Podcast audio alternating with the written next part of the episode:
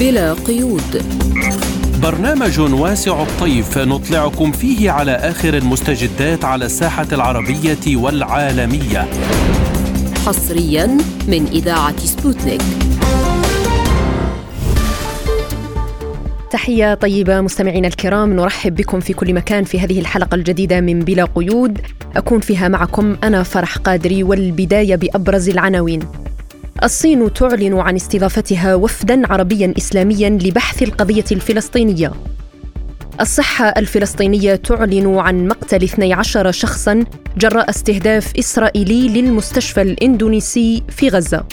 أنصار الله تؤكد احتجازها للسفينة الإسرائيلية دعما للمقاومة في قطاع غزة. لازلتم تستمعون إلى برنامج بلا قيود. ونبدأ تفاصيل حلقة اليوم بالشأن الفلسطيني حيث أعلنت وزارة الخارجية الصينية عن زيارة وفد يضم وزارة خارجية دول عربية وإسلامية ببكين لبحث الصراع الإسرائيلي الفلسطيني وسبل حل القضية الفلسطينية. وذكرت الخارجية الصينية في بيان لها أن وزراء خارجية المملكة العربية السعودية والأردن ومصر وإندونيسيا وفلسطين ومعهم الأمين العام لمنظمة التعاون الإسلامي يزورون بكين. من جانبه جدد الرئيس الفلسطيني محمود عباس التأكيد على رفض دولة فلسطين القاطع لتهجير الفلسطينيين من قطاع غزة أو من الضفة بما فيها القدس. وللحديث أكثر حول هذا الموضوع نستضيف معنا الباحث بالعلاقات الدولية الأستاذ محمود علوش. أهلا وسهلا بك وشكرا لتواجدك معنا بالبرنامج. يعني اليوم الصين تعلن عن استضافتها لوفد عربي إسلامي للحديث ولبحث القضية الفلسطينية. ورأينا كيف أن تركيا كدولة إسلامية أبدت العديد من الآراء الجريئة نوعا ما سواء التي تحدث بها الرئيس التركي حين قال أن إسرائيل بهذه الجرائم هي دولة إرهابية ويتوجب محاسبتها ابتداء من نتنياهو وكل من له يد متورطة في هذا القصف المستمر. برأيك هل من الممكن لهذه الوفود العربية والإسلامية أن توقف هذه الحرب؟ نعم مساء الخير بداية. لم يكن صدفة أن يختار الوفد العربي الإسلامي الصين كأول وجهة عالمية في إطار الحراك العربي والإسلامي لإنهاء الحرب الإسرائيلية على قطاع غزة. وأعتقد أنه اختيار بكين آه، يعكس أمرين مهمين. الأول آه، هو الرهان العربي والإسلامي آه، على دول فلسطين وروسيا من أجل ضغط في الأروقة السياسات الدولية من أجل دفع إسرائيل إلى إنهاء هذه الحرب، والامر الثاني المهم يعكس بتقديري كيف أن دول المنطقة على وجه الخصوص تبدو متشككة أكثر من أي وقت مضى بقدرة الولايات المتحدة الأمريكية على لعب دور آه، إيجابي وبناء في منطقة الشرق الأوسط لا سيما أن الموقف الأمريكي اليوم الداعم لإسرائيل بشكل كامل ومطلق لا يساعد بطبيعه الحال في تهدئه هذه الحرب وفي منع مخاطر انتشارها إلى الشرق الأوسط الواسع، وبالتالي انطلاقا من هذين الأمرين اليوم يتحرك العالمين العربي والإسلامي في آه، محاولة بتقديري لكسب آه، ود الصين بشكل أساسي وأيضا روسيا لا شك إنه دور روسيا مهم جدا آه، فيما يتعلق بهذا الأمر. والموقفين الروسي والصيني عموما من الحرب الإسرائيلية على قطاع غزة هما موقفين إيجابيين بشكل خاص بالنسبة للعالمين العربي والاسلامي. لكن آه، هناك حقيقة يعني أعتقد انه مهمة لا يمكن تجاهلها وإن كانت مؤلمة بعض الشيء وهي أنه آه، الدولة الوحيدة اليوم التي تستطيع أن تمارس ضغط على إسرائيل من أجل إنهاء هذه الحرب هي الولايات المتحدة الأمريكية. حتى الآن مع الأسف لم تستطع إدارة الرئيس جو بايدن أن تنظر بواقعية إلى هذا الصراع وأن تتحلى بشيء من الأخلاقية والإنسانية في التعاطي أو في مقاربة هذه الحرب الاسرائيليه التي اليوم يدفع آه، ثمنها الكثير من الابرياء الفلسطينيين آه، والأهم من ذلك إنه يعني لم تستطع واشنطن النظر إلى الأسباب الجوهرية العميقة التي أدت لانفجار هذه الحرب. هذه الحرب بتقديري لم تنفجر لأن حركة حماس شنت هجوم على اسرائيل في 7 أكتوبر بل بل لأن هذا الهجوم كان حصيلة لعقود من شعور الفلسطينيين بالظلم تجاه الاحتلال الإسرائيلي وانعدام أخلاق حل الدولتين وانعدام الأمال بالنسبة للفلسطينيين بالحصول على دولة فلسطينية مستقلة. نعم يعني هل تعتقد أن الصراع سيستمر لسنوات طويلة خصوصا وأن إسرائيل تعتزم أن تبدأ مرحلة جديدة من الصراع في ظل الدعم الغربي وخاصة أنك كما أشرت إلى دور الولايات المتحدة الأمريكية المنعدم في دعم القضية الفلسطينية وبالعكس دعم الجانب الإسرائيلي. بعد اليوم مرور شهر نحو شهر ونصف تقريبا 45 يوم من الحرب الإسرائيلية على قطاع غزة، من الواضح انه إسرائيل لم تستطع أن تحقق الأهداف المعلنة الواضحة من هذه الحرب في شمال قطاع غزة على وجه الخصوص لم تتمكن بطبيعه الحال من القضاء على الهيكل القيادي لحركة حماس الهيكل العسكري الرفيع آه، لم تتمكن آه، من الوصول إلى غالبية الرهائن المحتجزين أو الاسرى الرهائن المحتجزين لدى آه، حركة حماس. لذلك اليوم التقييمات الاستخباراتية الإسرائيلية انه هناك حاجة لتوسيع نطاق العمليات العسكرية الإسرائيلية إلى جنوب قطاع غزة أيضا. طبعا يعني تصعيد العمليات أو توسيع نطاق الحرب إلى الجنوب ينطوي على مخاطر آه، كبيرة متعددة، اولا بالنسبة للمقاومه الفلسطينية أنا أعتقد إنه آه، يعني رغم إنه الآن يعني حتى الآن إسرائيل تتحدث عن نجاح في شمال قطاع غزة إلا أنه المقاومة الفلسطينية لا تزال موجودة. يعني هناك يوميا نحن نسمع عن عمليات نعم. آه تقوم بها كتاب القسام ضد الجيش الإسرائيلي في شمال قطاع غزة. لكن أعتقد إنه المقاومة الفلسطينية ستظهر آه، ربما شجاعه أكبر في الجنوب لأنه المعركة ستكون حاسمة بالنسبة لها. هذا في جانب. في جانب آخر هناك اليوم منطقة الجنوب قطاع غزة تحولت إلى آه، ملجأ لمعظم سكان قطاع غزة، اليوم يسكن في منطقة في جنوب غزة ما يقدر ب 2 مليون فلسطيني. آه، هؤلاء المدنيين لا يوجد مكان آخر يهربون إليه، وبالتالي توسيع نطاق هذه الحرب سيزيد من المخاطر بشكل هائل على المدنيين الفلسطينيين. لا سيما إسرائيل لم لا تراعي أي آه، مفاهيم أو أي احترام القوانين الدولية آه، في هذا الصراع. وبالتالي هذا الأمر من شانه ان يلحق يلحق الأذى بشكل أكبر بالنسبة لإسرائيل وصورتها على الساحة الدولية. ولا أعتقد أن إسرائيل قادرة في نهاية المطاف على تحمل تكاليف سياسية عالية جدا.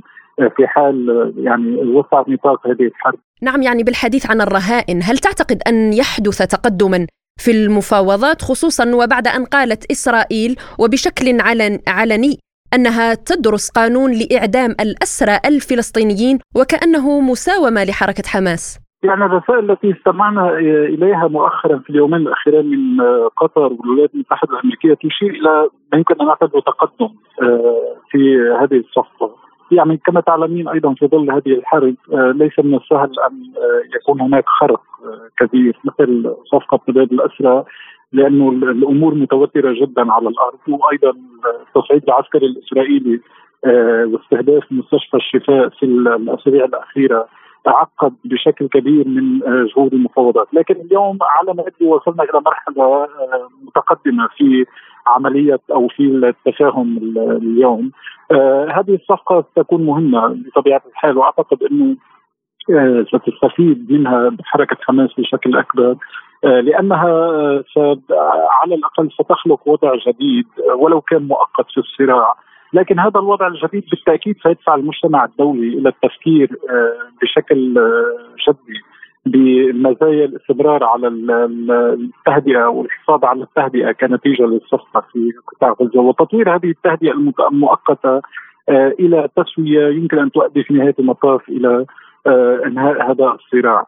آه، طبعا يعني إذا قررت إسرائيل الدخول في صفقة معينة فبالطبع هذا الأمر سيجر في نهاية المطاف أو سيزيد بطبيعة الحال من الضغط على حكومة بنيامين نتنياهو، وأنا أعتقد إنه أحد الأسباب الكبيرة التي تدفع نتنياهو إلى الحذر اليوم في الدخول في صفقة آه، جزئية مع حركة حماس حول الاسرى هو أنه يخشى من أن ابرام صفقة جزئية سيعني آه، مزيد من الضغط الداخلي عليه من أجل التحرك للإفراج عن جميع الاسرى المحتجزين لدى حركة حماس.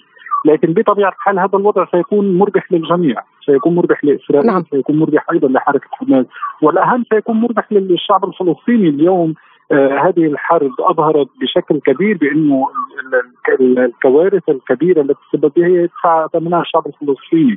وبالتالي من المهم جدا يعني أن تتحرك الدبلوماسية الاقليميه والدولية اليوم. نحو هدف واحد وهو كيفية إنهاء هذه المعاناة والحد من هذه المعاناة التي أعتقد بانه تكون لها عواقب كبيرة. نعم الشعب الفلسطيني هو وحده من يدفع ثمن هذه الصراعات والسياسات. آه، وزيرة الاستخبارات الإسرائيلية دعت إلى إعادة توطين الفلسطينيين خارج قطاع غزة بدلا من إعمارها. هنا ربما تظهر أهداف إسرائيل من استمرار هذا القصف لأكثر من شهر ونصف. استهداف المدنيين المساجد الكنائس المدارس المستشفيات خاصة. نعم هذا الأمر صحيح جدا وفي الحقيقة أنا سبق أن تحدثت عن هذا الموضوع ان الأهداف الاستراتيجية الإسرائيلية الكبرى في هذه الحرب تتجاوز القضاء على حركة حماس. من الواضح إنه إسرائيل تسعى في هذه الحرب بالدرجة الأساسية إلى آه، إحداث آه، تغيير ديموغرافي كبير في الصراع الفلسطيني الإسرائيلي من خلال محاولة تفريغ قطاع غزة من سكانه، إخراج غزة من معادلة الصراع، بالتوازي أيضا مع آه، نقطة مهمة جدا أن اليوم في ظل الحرب الإسرائيلية على قطاع غزة هناك تصعيد إسرائيلي خطير من جانب المستوطنين.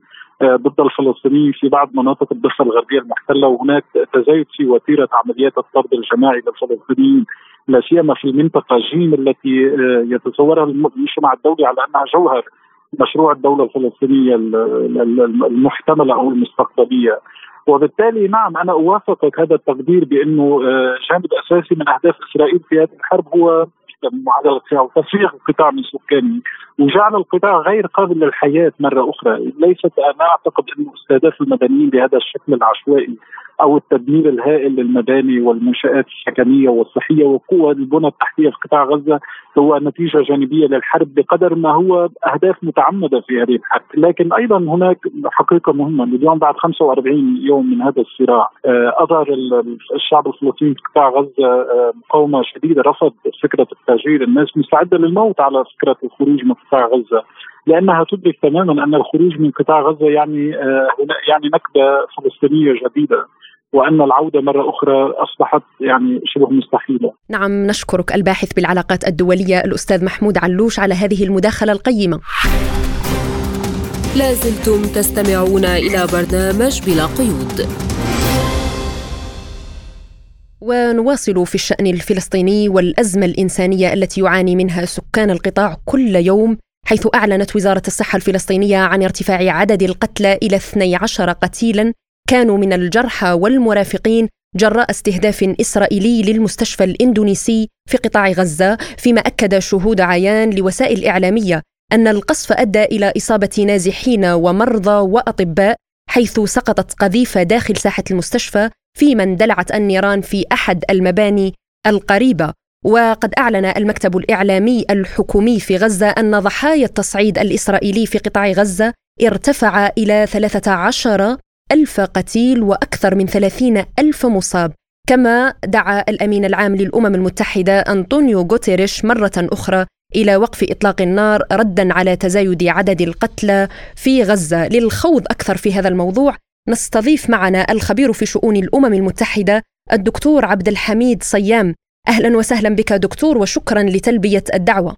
نبدأ من تفاقم الأزمة الإنسانية في غزة وارتفاع عدد الضحايا وتهجير أكثر من مليون ونصف شخص. برأيك اليوم لماذا لا يستطيع المجتمع الدولي الضغط على تل أبيب لوقف قصف السكنات المدنية؟ يعني كل ما يحدث من جرائم هي أمام مرأى العالم وفي القانون الدولي كما تعلم هي ممنوعة ومحرمة. أهلا وسهلا بكم، يعني هذه الحرب التي تشنها إسرائيل ما كانت لتشنها لو لم تأخذ ضوءا أخضر من الولايات المتحدة الأمريكية بالتحديد و بدرجة ثانية من دول الاتحاد الأوروبي وخاصة فرنسا وبريطانيا وألمانيا وإيطاليا إلى حد ما. فإسرائيل أخذت هذا الضوء الأخضر وتمادت فيه لدرجة الآن لا يمكن وقف إسرائيل، لغاية الآن الولايات المتحدة لم تدعو إلى وقف إطلاق النار، كل ما جرى هو قرار مجلس أمن ضعيف. تم النزول بمستواه ليصلوا أعضاء مجلس الأمن الخمسة عشر إلى نوع من التوافق حول هدنات إنسانية، إسرائيل طبعا لا تأبه بالقانون الدولي، لم تحترم أي قرار لمجلس الأمن في الماضي ولا في الحاضر، ما دام هناك دولة قاهرة ظالمة قوية متمردة هي الولايات المتحدة تؤيد وتدعم وتسلح وتقوي وتعطي كل الإمكانيات في الدنيا لتحت تصرف إسرائيل. وهناك ضباط أمريكيون يشاركون في العمليات وموجودون في غرفة العمليات. وقد حضر الرئيس نفسه بايدن جلسة لمجلس الحرب الإسرائيلي. لذلك ما دامت الولايات المتحدة تدعم إسرائيل ولا تطلب منها بكل قوة وقف إطلاق النار ستستمر في القيام بهذه المجازر. هذه ليست حرب يعني من الخطأ أن نسميها حرب. هي حرب إبادة. نعم. هي, هي تريد أن تقتل أكبر عدد ممكن من الفلسطينيين والذي لا تقتله المتفجرات والقنابل والصواريخ والطائرات سيموت إما جوعا أو من انتشار الأوبئة. وهذا أمر واضح أمامنا الآن. إذا تحدثنا يعني عن كارثة المساعدات الإنسانية التي لم يستطيعوا إيصالها في وقتها إلى الفلسطينيين ولا تزال مركونة عند معبر رفح يعني حركة حماس دعت الدول الإسلامية لتسهيل فتح الممرات الإنسانية، هل برأيك كان طلبا مباشرا لاتخاذ كل من مصر والأردن موقفا جريئا في هذا الأمر؟ لماذا يعني هذه الدول تنتظر الضوء الأخضر من إسرائيل والجواب واضح؟ يا سيدتي آه، جرى اجتماع في مدينة الرياض نعم. حضره 57 دولة عربية وإسلامية وأخذوا في البند رقم خمسة كسر الحصار، هناك قرار اسمه كسر الحصار وطلبوا من مصر أن تساعد وتساهم وسيدعمون مصر في كسر الحصار، لا دعموا مصر في كسر الحصار ومصر أيضا ليست معنية بكسر الحصار لأنها تقول إنني لا أستطيع أن أدخل المساعدات الإنسانية من معبر رفح إلا إذا كان هناك موافقة إسرائيلية وهذا شيء منطق غريب آه، غير مقبول أصلا. لذلك تتكدس المساعدات في مطار العريش وهناك يعني حجم هائل جدا من المساعدات موجود في مطار العريش. لا تستطيع مصر ولا 57 دولة ولا مجلس الأمن الذي أخذ قرارا بهذا الخصوص ولا الجمعية العامة التي صوتت بغالبية 121 صوتا لإدخال المساعدات الإنسانية لأن هناك دولة تعربد هي الدولة هذه الدولة اسمها إسرائيل تتمرد على القانون الدولي تتمرد على جميع الدول ما دامت مدعومة من الولايات المتحدة. وهذا ما هو واضح تماما. هم يقصدون الناس يقتلون الطفل والطالب والشيخ ويقصفون المساجد والكنائس والمستشفيات والمدارس والطرق والمباني والبيوت العادية. هم يعملون كما آه، قال أحدهم في نائب الكنيست قال يجب أن نبيد غزة عن الوجود، هذا ما يقومون به، هذه هذه حرب إبادة واضحة المعالم، ولكن الدول الأوروبية ما زالوا يتكلمون عن 7 أكتوبر وما زالوا يتكلمون أن حماس ارتكبت جريمة حرب. ولا يذكرون أن إسرائيل تقوم بارتكاب جرائم حرب. ولا ولا يطلبون وقف إطلاق النار بشكل واضح وصريح. يعني بالحديث عن موقف الدول المرشد الإيراني علي خامنائي قال أنه على الدول أن تقطع علاقتها بإسرائيل ولو بشكل مؤقت يعني تعبيرا عن الرفض. لماذا لم نرى أي عقوبات فرضت على إسرائيل بالرغم من أن ما يحدث محرم في الشرعية الدولية ومرفوض كليا؟ كل هذه الدول هذه دول وظيفية في أكثرها تعتمد على المساعدات الأمريكية. الدول التي لها علاقات كاملة مع إسرائيل هي مصر والأردن والإمارات العربية والمغرب. وهذه دول كلها مرتبطة في الفلك الأمريكي. ولا يغرنك الصوت العالي ولا يغرنك أن هذه الدول تقدم مساعدات إنسانية أو تدعو إلى شجب ما يجري في في غزة وتدين عمليات قتل الأطفال لكنها في الحقيقة مرتبطة. مرتبطة بمساعدات أمريكية، مرتبطة بعلاقات، مرتبطة باتفاقيات أمنية، مساعدات، ولذلك هي عاجزة عن تأخذ مثل هذا القرار، يعني هذا القرار سيكون مكلفا بالنسبة لها، فهي تقيس بمقياس المصالح وليس بمقياس المبادئ والقانون الدولي، لذلك كان بإمكانها لماذا تنتظر حتى يأتي خامئني ليقول لهم اقطعوا العلاقات، أصلا لو كانوا سيقطعون العلاقات عندما يقوم المرشد الأعلى الإيراني بطلب منهم أن يقطعوا العلاقات لن يقطعوها.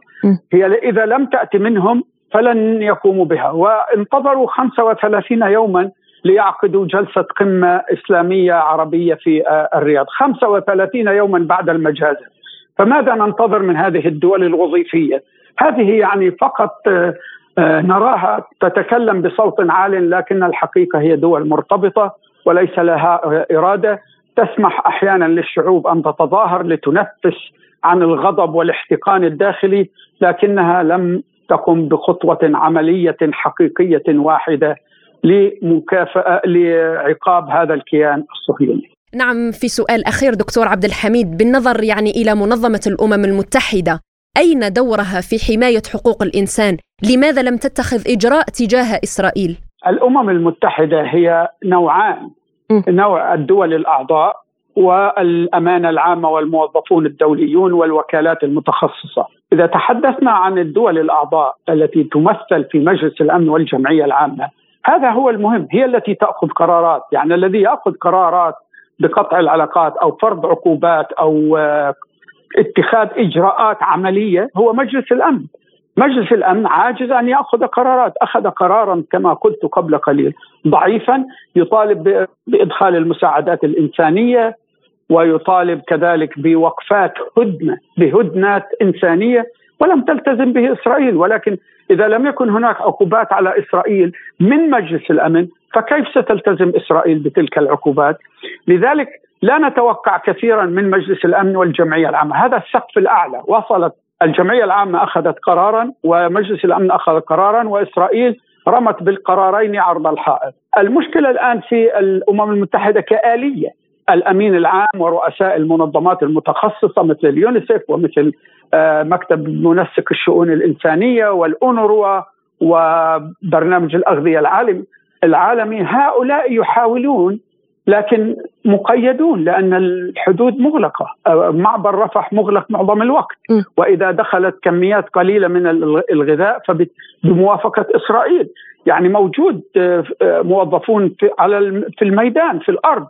الأونروا وهي آه، وكالة إغاثة وتشغيل اللاجئين الفلسطينيين فقدت 103 موظفين إلى الآن.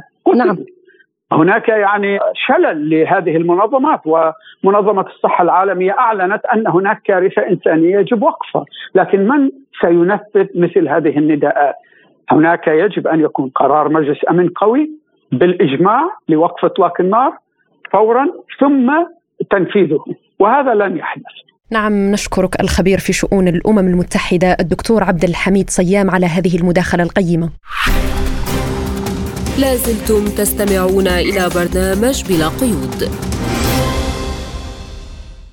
وإلى تطورات الوضع في قطاع غزة أيضا أكدت جماعة أنصار الله ضرورة أن يدرك العالم أن جرائم العدو الإسرائيلي في قطاع غزة تجاوزت كل حد وانتهكت كل مقدس حسب وصفها وقال المتحدث باسم أنصار الله محمد عبد السلام عبر حسابه على منصة إكس تويتر سابقا إن احتجاز السفينة الإسرائيلية خطوة عملية تثبت جدية القوات المسلحة في خوض المعركة إسنادا للمقاومة في غزة مشيرا إلى أن أي حرص على عدم اتساع الصراع يكون بوقف العدوان الإسرائيلي على القطاع. وقال المتحدث باسم القوات المسلحة التابعة لأنصار الله العميد يحيى سريع في وقت سابق إنه تم تنفيذ عملية عسكرية في البحر الأحمر والاستيلاء على سفينة إسرائيلية واقتيادها إلى الساحل اليمني مجددا التأكيد أن كافة السفن التابعة للعدو الإسرائيلي هي أهداف مشروعة.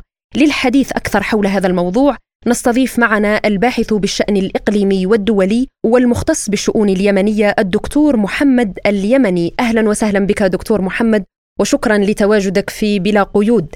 دعني أبدأ معك من آخر التطورات في الصراع الإسرائيلي في غزة اليوم أنصار الله استولت على سفينة إسرائيلية مؤكدة دعمها للمقاومة وجديتهم في التدخل في هذه الحرب ضد إسرائيل برأيك ما هي عواقب التدخل الحوثي الكامل في هذه الحرب؟ يعني في البداية الضربات الأخيرة التي جاءت من قبل الحوثيين على السفينة الإسرائيلية والتهديد المباشر على السفن الإسرائيلية أو على مضيق هرمز لأن كما نعلم بأن هذه المنطقة هي منطقة حيوية للغاية ويوجد استثمارات بمليارات الدولارات وتجارة دولية فيوجد لها تأثير وعواقب وخيمة على الجانب الإسرائيلي وكذلك أيضا على الولايات المتحدة الأمريكية لأن إن كانت في الأيام السابقة كان محور المقاومة يضربون القواعد العسكرية الأمريكية في هذه الدول العراق أو سوريا أو لبنان أو حتى اليمن. كان الكلام بعد ذلك بأن هذه الضربات سوف تكون في البحر الأحمر وأيضا منطقة هرمز وما شابه ذلك حتى يتراجع تتراجع الولايات المتحدة الأمريكية عن استمرار هذا التصعيد واستمرار الدعم اللامتناهي إلى الاحتلال الإسرائيلي واستمرار الدعم العسكري واللوجستي والاستخباراتي والعسكري وأيضا المالي إلى الاحتلال الإسرائيلي. هذا أيضا من جهة. من جهة أخرى لابد أن نعلم بأن كان في الآونة الأخيرة كان يوجد اجتماعات أو بعض القادات سواء في الإدارة الأمريكية وكذلك أيضا في الجانب الإيراني بخصوص بعض الأمور التي الآن تتشكل وبعض الأمور التي هي في حيز التنفيذ من قبل الجانب الإيراني سواء بالتهديد سواء بفتح جبهة جديدة سواء بالتدخل المباشر سواء ببعض الأمور على أرض الواقع. ولكن كما نعلم بأن إيران لم تتدخل مباشرة في الحرب في قطاع غزة لعدة عوامل. هذه أيضا نقطة. النقطة الأهم كان يوجد وساطة وكان في عمان في الأيام القليلة الماضية كما ذكرت منذ قليل.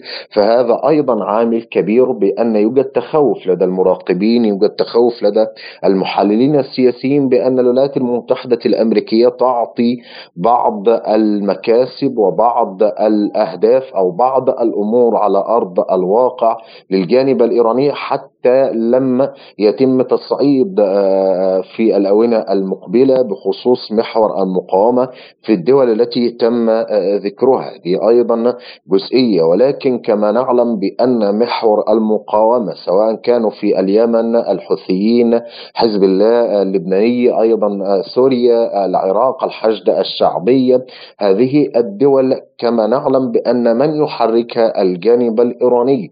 فالجانب الإيراني يرى بأن لابد من تخفيف الضغط على قطاع غزة في هذا التوقيت من بعض الضربات من قبل محور المقاومة. يعني هل برأيك اليوم نحن أمام فتح جبهة ثانية في هذا الصراع من ناحية حركة حماس وجماعة أنصار الله وحزب الله اللبناني؟ أنا أرى من وجهة نظري أيضا إن لم تتم فتح جبهة جديدة في هذا التوقيت فسوف تتم فتح جبهة جديدة في الآونة المقبلة. بمعنى أصح لا قدر الله إن تم القضاء على حركة حماس وهذا من ربع المستحيلات ولكن هذا سيناريو آه، متوقع أو سيناريو آه، من ضمن السيناريوهات المتواجدة آه، في هذه الحرب على قطاع غزة من قبل الكيان الصهيوني. بمعنى أيضا أن يوجد بعض السيناريوهات لأن السيناريو الذي يتكلم عن القضاء حركة حماس يتكلم من منطلق بأن إسرائيل الآن لديها الأدوات العسكرية أيضا الأدوات اللوجستية الأدوات الاستخباراتية. الديمقراطية التي تؤهلها على القضاء على حماس ولكن مر أكثر من 44 يوما ولم يتحقق أي إنجاز أو أي مكسب عسكري على أرض الواقع حتى يبينه بنيامين نتنياهو للرأي العام الداخلي الإسرائيلي في هذا التوقيت. هذا إن دل يدل على أن إسرائيل أيضا ما زالت تتكبد الخسائر في هذا التوقيت من قبل المحور المقاومة وأيضا من قبل يعني سواء على المستوى العسكري والمستوى أيضا البشري. هذه أيضا جزئية. الجزئية الأهم كما نعلم بأن إذا أردنا آه، نحلل المشهد الآن الذي يخص فتح جبهة جديدة فلابد أيضا نركز على بعض النقاط المهمة. هل بالفعل يوجد نية آه، آه، كبيرة جدا من إيران والإدارة الإيرانية أو القادة في إيران بأن تتم فتح جبهة جديدة آه، في محور المقاومة سواء في يعني حزب الله اللبناني وكذلك الاحتلال الإسرائيلي لأن أرى أرى من وجهة نظري الذي يحدث من محور المقاومة في البلدان التي تم ذكرها لم ترتقي إلى فعلا ضربات قوية وضربات تقسم ظهر الاحتلال الإسرائيلي الإسرائيلي وتكبد الخسائر ولكن أراها ما هي إلا مناوشات وان الحرب الحقيقية الآن ومنذ الثامن من أكتوبر إلى وقتنا هذا في محور المقاومة في فلسطين مع كتائب القسام مع حركة حماس كل هذه الأمور لها عامل كبير ودلالة كبيرة بأن الحرب الحقيقية في غزة كما ذكرت حتى لا أعيد الكلام مرة أخرى هذه أيضا نقطة النقطة الأهم بأن يوجد ضغط أمريكي على إيران في بعض الأمور وكما نعلم بأن في بعض الأيام السابقة كنا نشاهد ضربات قوية على القواعد الأم... القواعد الأمريكية في منطقة الشرق الأوسط ولكن هذه الضربات الآن هي متوقفة وليس بالكبيرة وليس آه، تمت بالفعل. طيب يعني هل يمكن أن تؤدي تصرفات جماعة أنصار الله إلى تصعيد خطير في المنطقة خصوصا بعد هذه الخطوة الجريئة الاستيلاء على سفينة إسرائيلية؟ يعني استيلاء آه، جماعة الحوثيين على آه، سفينة إسرائيلية هذا معناه أيضا بأن الاحتلال الإسرائيلي ما زال في وطن بأن الاحتلال الإسرائيلي يحاول يجمع قواه سواء بمساعدة آه، الدول الغربية بمساعدة الولايات المتحدة الأمريكية. ولكن هل هذا الفعل يرتقي إلى فتح جبهات أو مخاطر في آه، الآونة المقبلة؟ هذا أيضا وارد. ولكن ليس بشكل كبير. لماذا ليس بشكل كبير؟ لأن ليس من مصلحة إسرائيل أن تفتح عدة جبهات آه، في هذا التوقيت. التوقيت الحرج برغم يعني الاحتياط وأكثر من 350 ألف جندي من الاحتياط تم الاستدعاء استدعائهم في في أرض الميدان من قبل بنيامين نتنياهو والدعم الكبير العسكري حاملات الطائرات جيرالد فورد نهاور أيضا الأسلحة الفتاكة السلاح الذكي أو الأسلحة الذكية الفسفورية كل هذه العوامل كانت تؤشر على أن الولايات المتحدة الأمريكية تريد من الاحتلال الإسرائيلي تنفيذ آه، هذه العملية أو تحقيق هذه الأهداف في أقرب وقت ممكن حتى حتى لم يعني تطل هذه الحرب لأن كما نعلم بأن الآن يوجد فتح جبهات أو فتح جبهتين جبهة أوكرانيا وجبهة منطقة الشرق الأوسط وأنا أرى من وجهة نظري بأن الدعم العسكري الآن متجه تماما إلى الاحتلال الإسرائيلي. يوجد كلام أيضا على أن كان يوجد أسلحة أو دعم عسكري مقدم إلى أوكرانيا ولكن غير غيرت الإدارة الأمريكية الوجه بأن هذه الأسلحة لابد أن تتم أو تم إرسالها إلى الاحتلال الإسرائيلي في هذه الحرب وهي تحتاج إلى هذه الأسلحة. هذه أيضا جزئية الجزئية الأهم آه، مع مرور الوقت وارد جدا بأن آه، جبهة أوكرانيا تتكبد الخسائر من قبل الجانب الروسي وما زال الجانب الروسي يسيطر على مناطق كثيرة جدا عسكريا ولوجستيا وعلى كافة المستويات هذه. الجزئية الجزئية الأخرى آه، وارد جدا بأن حركة حماس أو محور المقاومة يحققوا آه، يعني إنجاز استراتيجي أو نجاح آه، استراتيجي على أرض المعركة بخصوص الاحتلال الإسرائيلي. هذه أيضا عواقب وخيمة على إسرائيل وعواقب وخيمة على أيضا الولايات المتحدة الأمريكية في ظل في ظل هذه الضربات التي التي آه، تتم من جماعة الحوثيين سواء بالتهديد المباشر وما بعد التهديد والتنفيذ الحقيقي على أرض آه، الواقع. لأننا أرى بأن الأمر آه، فاق فاق كثيرا بأن يوجد تهديد فقط أو تصريحات فقط. لا الأمر فاق وبالفعل بدأ ينفذون هذا على أرض الواقع. ولكن أنا أرى من وجهة نظري بأن الحرب هذه ستطول على أقل تقدير إلى آخر هذه السنة أو عام 2023 لأن كما نعلم بأن يوجد نية أو يوجد ضوء أخضر أعطي من قبل الإدارة الأمريكية للاحتلال الإسرائيلي بأن هذه الحرب على أقل تقدير تستمر إلى الرابع والعشرين من ديسمبر المقبل. في سؤال أخير يعني كيف ترون الدور العربي اليوم في القضية الفلسطينية؟ وقدرة جماعة أنصار الله على هذا الموقف واتخاذه؟ دعني أقول في ظل أن اليمن نفسها في حرب. أرى بأن بالفعل يعني الدول العربية إذا تكلمنا عن الدول العربية حتى القمة الأخيرة التي تم عقدها في الرياض لم تسفر عن أي جديد مثلها مثل القمم السابقة. هذه نقطة. النقطة الأهم بأن القرارات الحاسمة والمواقف الحاسمة سوف تنبع وسوف تجئ من قبل محور المقاومة. هذه أيضا نقطة محورية ونقطة مهمة جدا لابد أن نبني عليها بعض المحاور ونبني عليها بعض السيناريوهات ونبني عليها بعض الأمور في الآونة المقبلة. بمعنى أصح نبني عليها آه، بماذا؟ نبني عليها بأن إذا أردنا أو ننتظر قرارا أو ننتظر وقوف مع محور المقاومة فهذا الوقوف سوف يجيء من اليمن في محور مع جماعة الحوثيين كذلك أيضا حزب الله اللبناني وأيضا في سوريا والعراق وكل هذه آه، الأمور. هذه أيضا نقطة. النقطة الأهم لأن آه، ماذا فعلت الدول العربية بخصوص هذه الإبادة الجماعية وهذه الجرائم وهذه المجازر التي ترتكب ليل نهار من قبل الاحتلال الإسرائيلي على مدار 45 يوما من آه، الحرب؟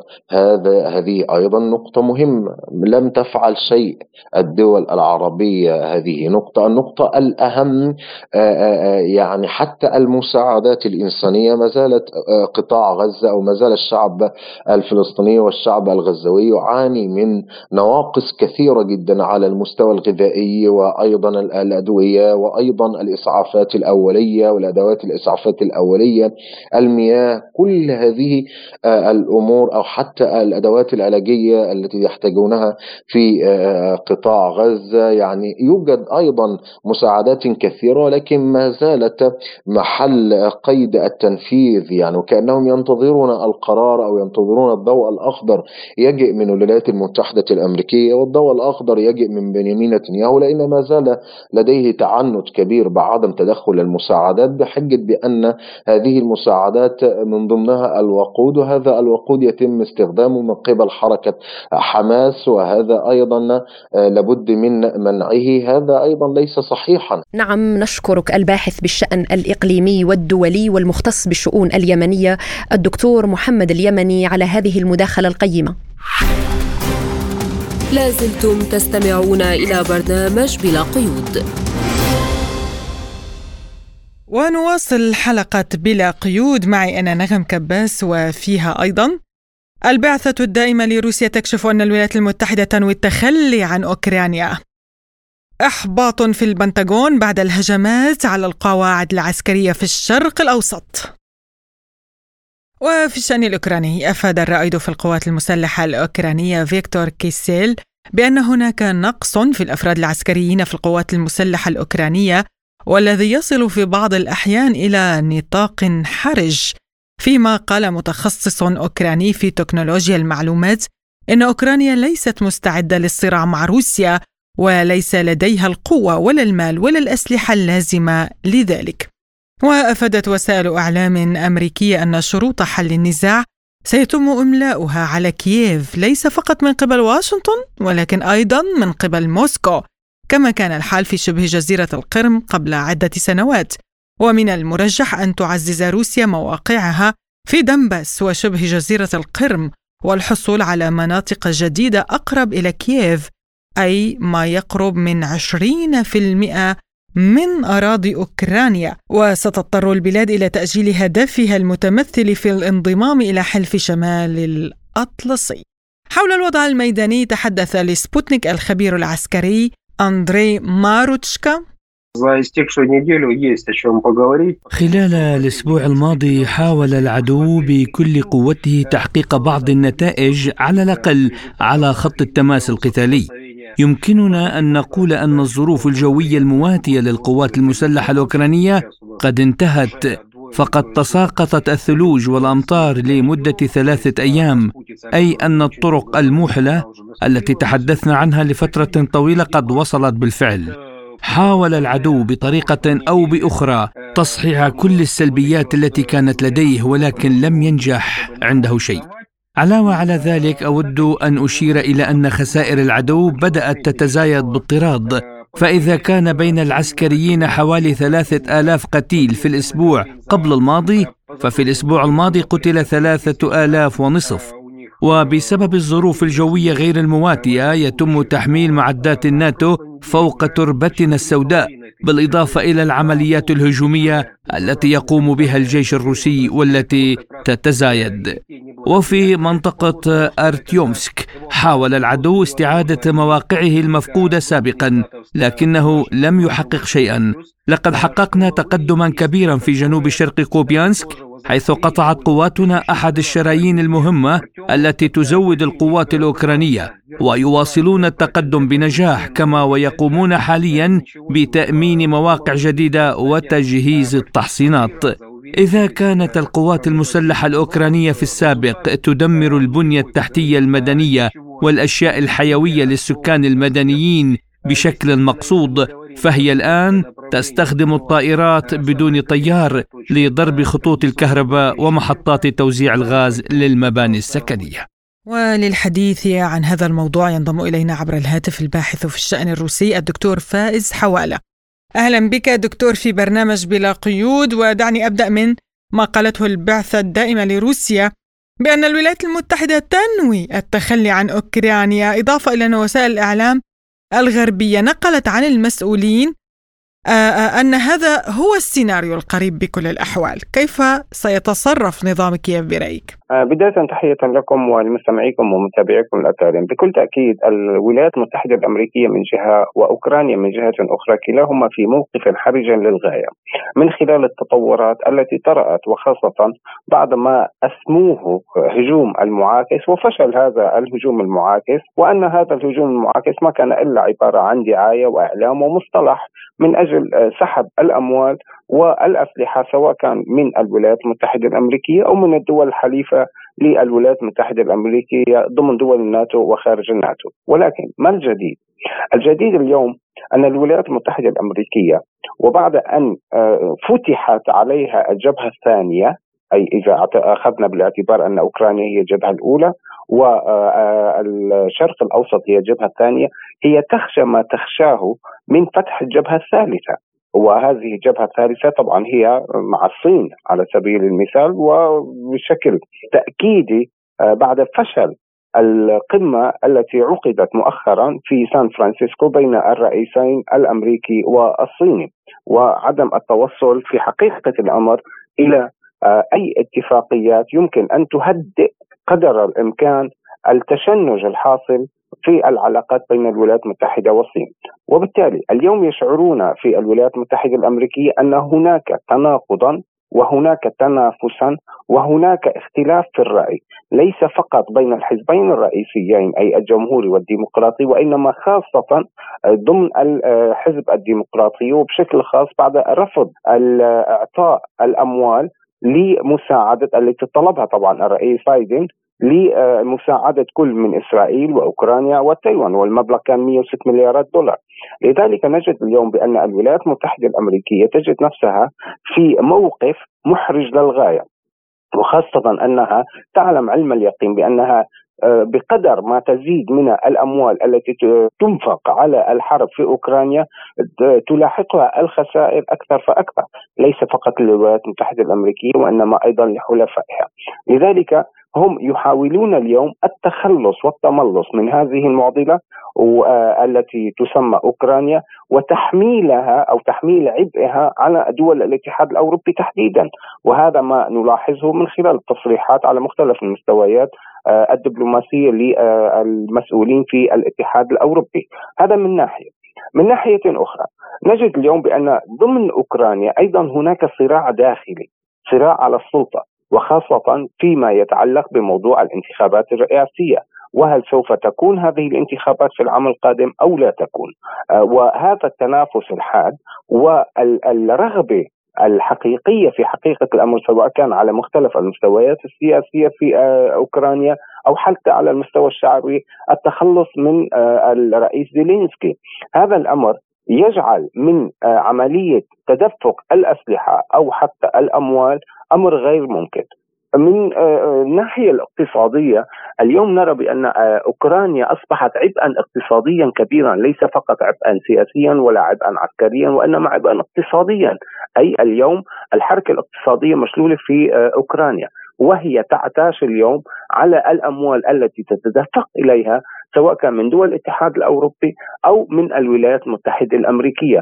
ودول الاتحاد الأوروبي اليوم أصبحت أيضا في موقف محرج للغاية أمام شعوبها الذين يعلمون آه، الحقيقة أصبحوا يعيون الحقيقة التي أدت إلى نشوب الحرب في أوكرانيا. وأن هذا الصراع في نهاية المطاف ليس صراع من أجل القيم الإنسانية أو من أجل نشر الديمقراطية كما حاولوا تصويره في آه، بداية العملية العسكرية الخاصة وإنما هي في عملية في حقيقة الأمر هي عبارة عن حركة نازية كانت آه، تحاول القضاء على سكان الدنباس وبالتالي الحقائق وصلت للشعوب التي أصبحت ترفض هذه التصرفات السياسية من قبل الساسة الأوروبيين. نعم يعني أيضا دكتور نظام كييف يعد واشنطن بهجوم في الشتاء. يعني كان وعدها هجوم الخريف الربيع الصيف. الآن يعد بهجوم آه، الشتاء وأنه سيكون له نتائج أفضل مما سبق في حال تزويدها بأسلحة حديثة.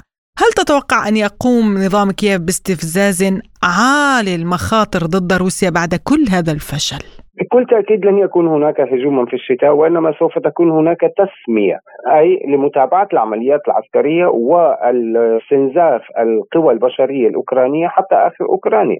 يعني على سبيل المثال تصريحات رئيس زيلينسكي عندما قال بأنه لم يستخدموا إلى هذه اللحظة دبابات الأبرامز الأمريكية. لماذا؟ لأنها كما هو يحاول يصور العدد قليل وهي لا تستطيع العمل. ولكن في حقيقة الأمر لم تأتيه الأوامر بإدخال هذا النوع من الأسلحة إلى ساحة الحرب من أجل أن لا يتم تدميرها وتصبح أيضا كخردة كباقي الأسلحة التي تم تدميرها والتي تعتبر أسلحة متطورة كاليابارد 2 والتشالنجر الإنجليزية وما إلى غير ذلك، لذلك هو اليوم يحاول أيضا استجرار أو قذف المسؤولية على الدول الحليفة له. بمعنى آخر أنه لو أنتم اعطيتونا الأسلحة التي تلزمنا في الوقت المناسب كعدد أكبر من دبابات الابرامز كالطائرات اف 16 لاستطعنا تقديم تحول جوهري ونوعي على أرض المعركة. ولكن أنتم من تحاولون افشالنا، أي اليوم نحن في حقيقة الأمر أمام مرحلة كل طرف من الأطراف في أوكرانيا والدول الحليفة لها يحاول قذف المشكلة وتحميله المسؤولية في فشل الانتصار على روسيا الاتحادية في أرض المعركة، هذه هذا هو الواقع الحقيقي، أما التسمية التي سوف يختارونها الشتاء أو الربيع أو حتى العام الجديد، كلها عبارة عن تسميات فقط من أجل إطالة أزمة عمر الأزمة وليس من أجل تحقيق أي آه، آه، هدف أو أي تغير جوهري ونوعي على أرض المعركة. يعني أيضا دكتور العديد من أسر الحرب الأوكرانيين طلبوا البقاء في روسيا. هل تتوقع قيام الجنود الأوكران بالاستسلام واللجوء لروسيا لأنهم يعني على علم بانهيار نظام كييف الوشيك؟ لا أعتقد أن هذا الأمر شيء جديد. وإنما منذ بداية العملية العسكرية الخاصة هناك الكثيرين من الجنود الأوكران الذين سلموا أنفسهم طوعيا للجيش الروسي لأنهم اولا يعلمون بأن الجيش الروسي معاملهم فعلا معاملة حسنة وكانهم أنهم أشقاء في حقيقة الأمر باستثناء طبعا بعض الفئات النازية كآزوف واليمينيين وما إلى غير ذلك. ولكن اليوم العملية أعتقد أنها تزداد لسبب بسيط. بانه بعد عودة آزوف إلى ساحات المعركة أصبحوا هم يضربون أو يقوصون على الجنود الأوكران الراغبين في الاستسلام أو الذين لا ينطلقون كعمليات انتحارية على سبيل المثال أو يتقدمون بدون أسلحة في مواجهة الجيش الروسي ويطلقون في ظهورهم السلاح النار. لذلك هم يحاولون طبعا الوصول إلى بر الأمان الوصول إلى آه، تسليم أنفسهم وعتادهم وأسلحتهم إلى الجيش الروسي من أجل إنهاء هذا الصراع. واليوم نرى بأن هناك أيضا الجيش الروسي يساعد هؤلاء. كيف؟ آه، هم يعلمون مثلا أن جماعة أزوف يقفون في منطقة معينة.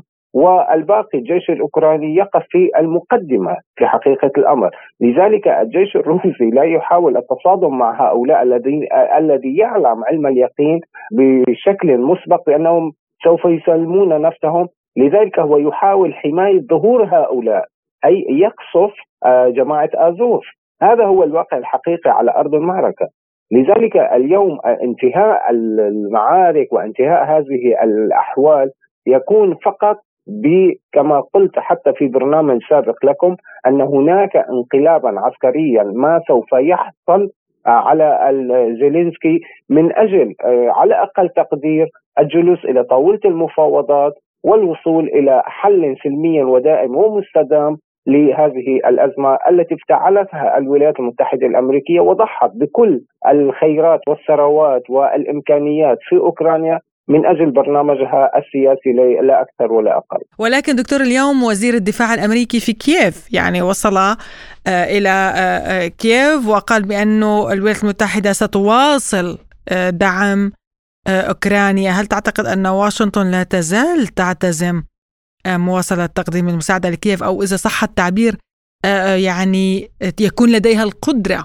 هذه التصريحات وهذه الزيارات تدخل فقط في إطار أننا كأن حال حال لسان الطرف الأمريكي يقول بأننا لن نتنازل عن أوكرانيا، لن ندعها تخسر وبالأحرى لن ندع روسيا الاتحادية تنتصر لأن الانتصار على أوكرانيا لروسيا الاتحادية يعني الانتصار على حلفاء أوكرانيا في مقدمهم الولايات المتحدة الأمريكية، لذلك هو اليوم نراه آه، في أوكرانيا من أجل بس الروح واعطائهم جرعة من الأمل بأن الدعم الأمريكي لم ولن يتغير ولكن من أين هذا الدعم الأمريكي سوف يأتي؟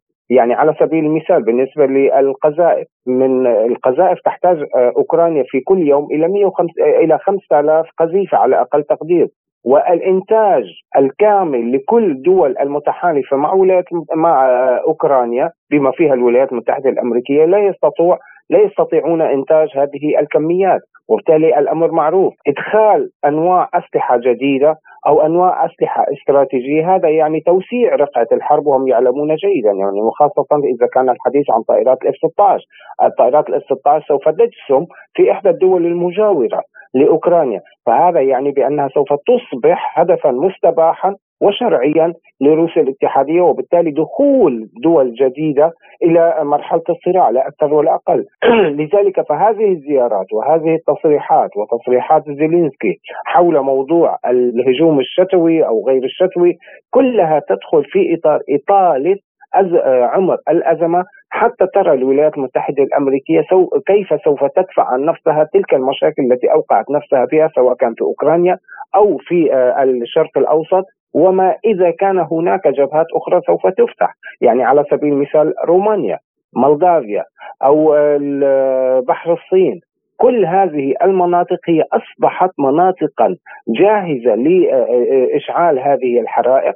وإذا لم يتم إشعال هذه الحرائق من قبل الولايات المتحدة الأمريكية فثقوا تماما بأن الأمر سينعكس مباشرة على الداخل الأمريكي وربما تبدأ ما يسمى بالحرب الأهلية الداخلية في الولايات المتحدة الأمريكية كنتائج للحماقات الاقتصادية والسياسية والدبلوماسية والعسكرية للساسه في الولايات المتحدة الأمريكية، لذلك أنا أعتقد بأن الولايات المتحدة الأمريكية سوف تحاول الدفع الدفاع عن نفسها أي دفع المخاطر الداخلية حتى لو أدى ذلك إلى نشوب حرب أهلية في أوروبا على أن لا تنشب الحرب الأهلية الداخلية في الولايات المتحدة الأمريكية، اذا نحن بانتظار فقط من هي الضحية التالية للحماقات السياسية والاقتصادية والعسكرية للولايات المتحدة الأمريكية.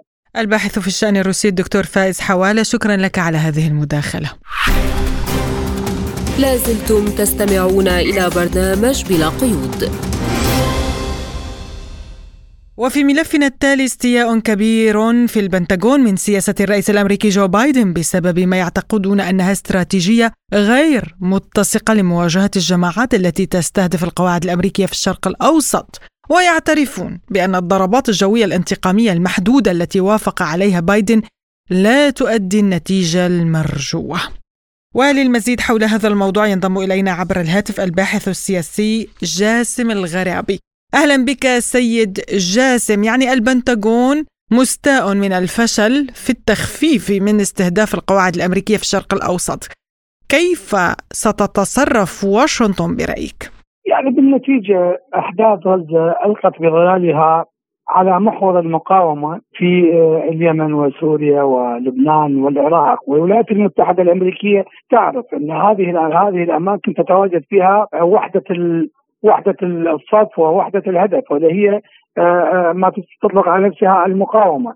اليوم الولايات المتحدة أعتقد أنها أدركت أنها أخطأت عندما دعمت إسرائيل دعما المطلق بإبادة أهلنا في غزة، اليوم إبادة جماعية على مر التاريخ لم تحضر مثل ما حضرت الآن في غزة.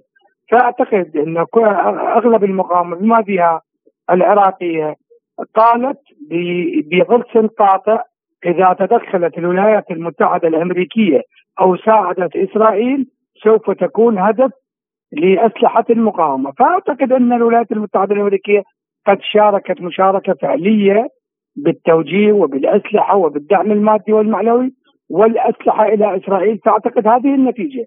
اليوم آه، آه، يعني هناك قواعد عسكرية موجودة في العراق وفي سوريا وفي الخليج والمقاومة لديها أسلحة ولديها نشاط كبير. وعلمتم كيف آه، ما جرى أمس في البحر الأحمر من قضية الحوثيين كيف استولوا على سفينة إسرائيلية. لديهم القوة ولديهم القدرة ولديهم الإمكانيات. فأعتقد إن حتى صواريخ الباتريوت أو ما يسمى بالقبة الحديدية لا لا تنفع وليست ذات جدوى مقابل هذه الهجمات التي توالت على القواعد الأمريكية في العراق وفي المنطقة. يعني أيضا البنتاغون يعتقد أن الضربات الجوية لم تجدي نفعا وأن اتخاذ خطوات إضافية قد يؤدي إلى اتساع المواجهة. هل تعتقد أن واشنطن قادرة أن تشتت نفسها في أكثر من مكان يعني إسرائيل أوكرانيا ربما تايوان الآن عده آه، محاور في المقاومة وهذه نقطة الضعف التي استغلتها الفصائل المقاومة اليوم الولايات المتحدة الأمريكية بين أمرين بين دعم أوكرانيا ودعم إسرائيل وهذه كلها جهود كبيرة عسكرية ومالية وتحملها أعباء مالية كبيرة. ولا تريد أن تفتح جبهة مقا... جبهة جديدة لا في العراق ولا في سوريا ولا في اليمن ولا في لبنان تريد السيطرة على أحداث غزة.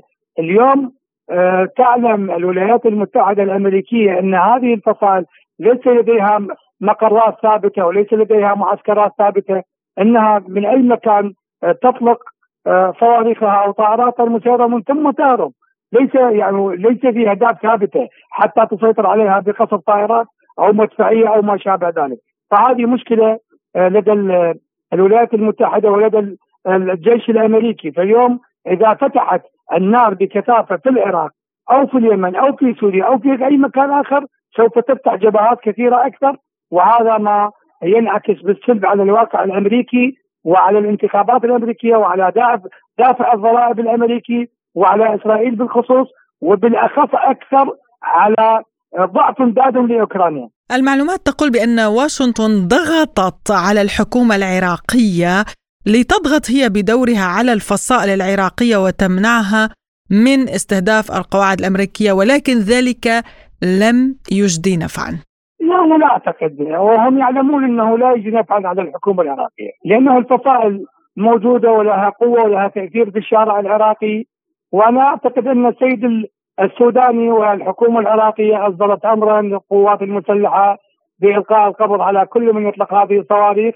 وغير راضيه على استهداف هذه القواعد وقالت إنها ليست قواعد عسكرية أمريكية بل هي قواعد عراقية فيها مستشارين ولكن فصائل المقاومه آه، أغلبها تقول لا آه، إنها قواعد أمريكية فيها ما يسمى بالمحتلين ويجب القتال وضرب هذه القواعد فأعتقد إن اكو هناك مبرر للحكومة العراقية بالقاء القبض على من يطلق ولكن هذا اليوم لم تستطع إلقاء القبض على أي أحد. نعم سيد جاسم يعني كيف سيؤثر ذلك على صورة بايدن خاصة قبل الانتخابات؟ لا لا أنا أنا متيقن كمراقب سياسي ان صورة بايدن آه، يعني تزعزعت كثيرا آه، بسبب هذه التدخلات لأنه الشعب الأمريكي أيضا رافض تدخل أمريكا آه، بدعم أوكرانيا ضد ضد روسيا. واليوم دعم إسرائيل ضد هذا المحور الذي هو منتشر في أكثر من دولة. وبسبب المجاز الذي تحدث في غزة اليوم هناك نقمة حتى في الشعوب العربية التي حكوماتها ساكتة لا تتحرك باتجاه قضية فلسطين، الشعوب اليوم تتحرك، المغرب العربي، تونس، الجزائر، مصر كلها تتحرك بهذا الاتجاه، فأعتقد أن مجسات الشارع تقول أن الشعب الأمريكي ليس راضيا على الرئيس بايدن. الباحث السياسي جاسم الغرابي شكرا جزيلا لك على هذه المداخلة. نعم بهذا مستمعينا الكرام نصل وإياكم إلى ختام حلقة اليوم من بلا قيود. تابعونا عبر سبوتنيك dot إي إي وأيضا قناتنا على تليجرام سبوتنيك عربي. إلى اللقاء.